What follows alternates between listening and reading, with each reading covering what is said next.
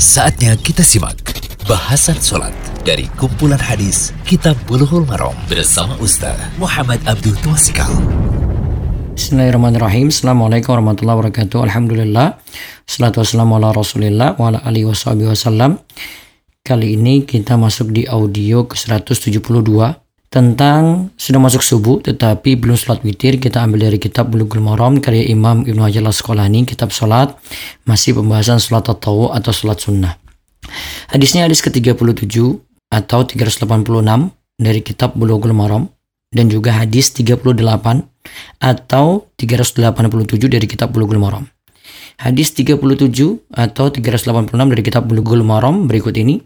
An Abi Said Al-Khudri radhiyallahu anhu anna Nabiya sallallahu alaihi wasallam qal autiru qabla an tusbihu. Dari Abu Said Al-Khudri radhiyallahu anhu Nabi sallallahu alaihi wasallam bersabda, salatlah witir sebelum kalian masuk waktu subuh. Kemudian hadis ke-38 atau 387 dari kitab Bulughul Maram Wali Ibni Hibban Man adraka subha walam yutir fala lahu. Dalam riwayat Ibnu Hibban disebutkan, barang siapa telah mendapatkan waktu subuh dan belum melaksanakan sholat witir, maka tidak ada witir baginya. Hadis ini riwayat Ibnu Hibban juga Al-Hakim, Al-Hakim berkata bahwasanya hadis ini sahih sesuai syarat Muslim, tetapi Bukhari dan Muslim tidak mengeluarkannya. Imam Az-Zahabi mendiamkan hadis ini, sebagaimana hal ini disebutkan dalam Minha Al-Alam.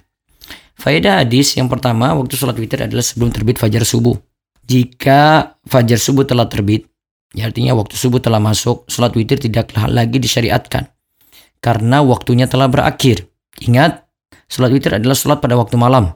Tidak dilakukan di siang hari. Tidak dilakukan pada siang hari. Terus yang kedua, sholat witir boleh dilakukan pada awal, pertengahan, atau akhir malam. Awal, pertengahan, atau akhir malam.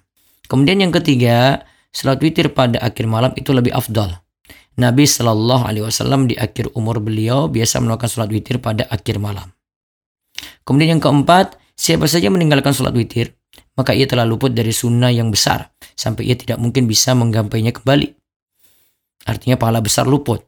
Karenanya sebagian salaf itu berkata berikut ini. Ketika terbit fajar subuh maka berakhirlah waktu subuh yang ikhtiari, yaitu pilihan. Namun waktu doruri, itu waktu darurat masih ada sampai sholat subuh ditegakkan. Sampai sholat subuh ditegakkan. Namun kalau hati-hati ya tetap sebelum subuh lebih afdol. Terus yang kelima, waktu witir itu berakhir. Waktu sholat witir itu berakhir dengan terbitnya fajar subuh. Dan ingat, disunahkan sholat witir dijadikan akhir dari sholat malam. Semoga jadi ilmu yang manfaat. Allah yabarik fiqh. Demikian Bahasan Sholat dari kumpulan hadis Kitab Bulughul Maram bersama Ustaz Muhammad Abdul Tuasikal.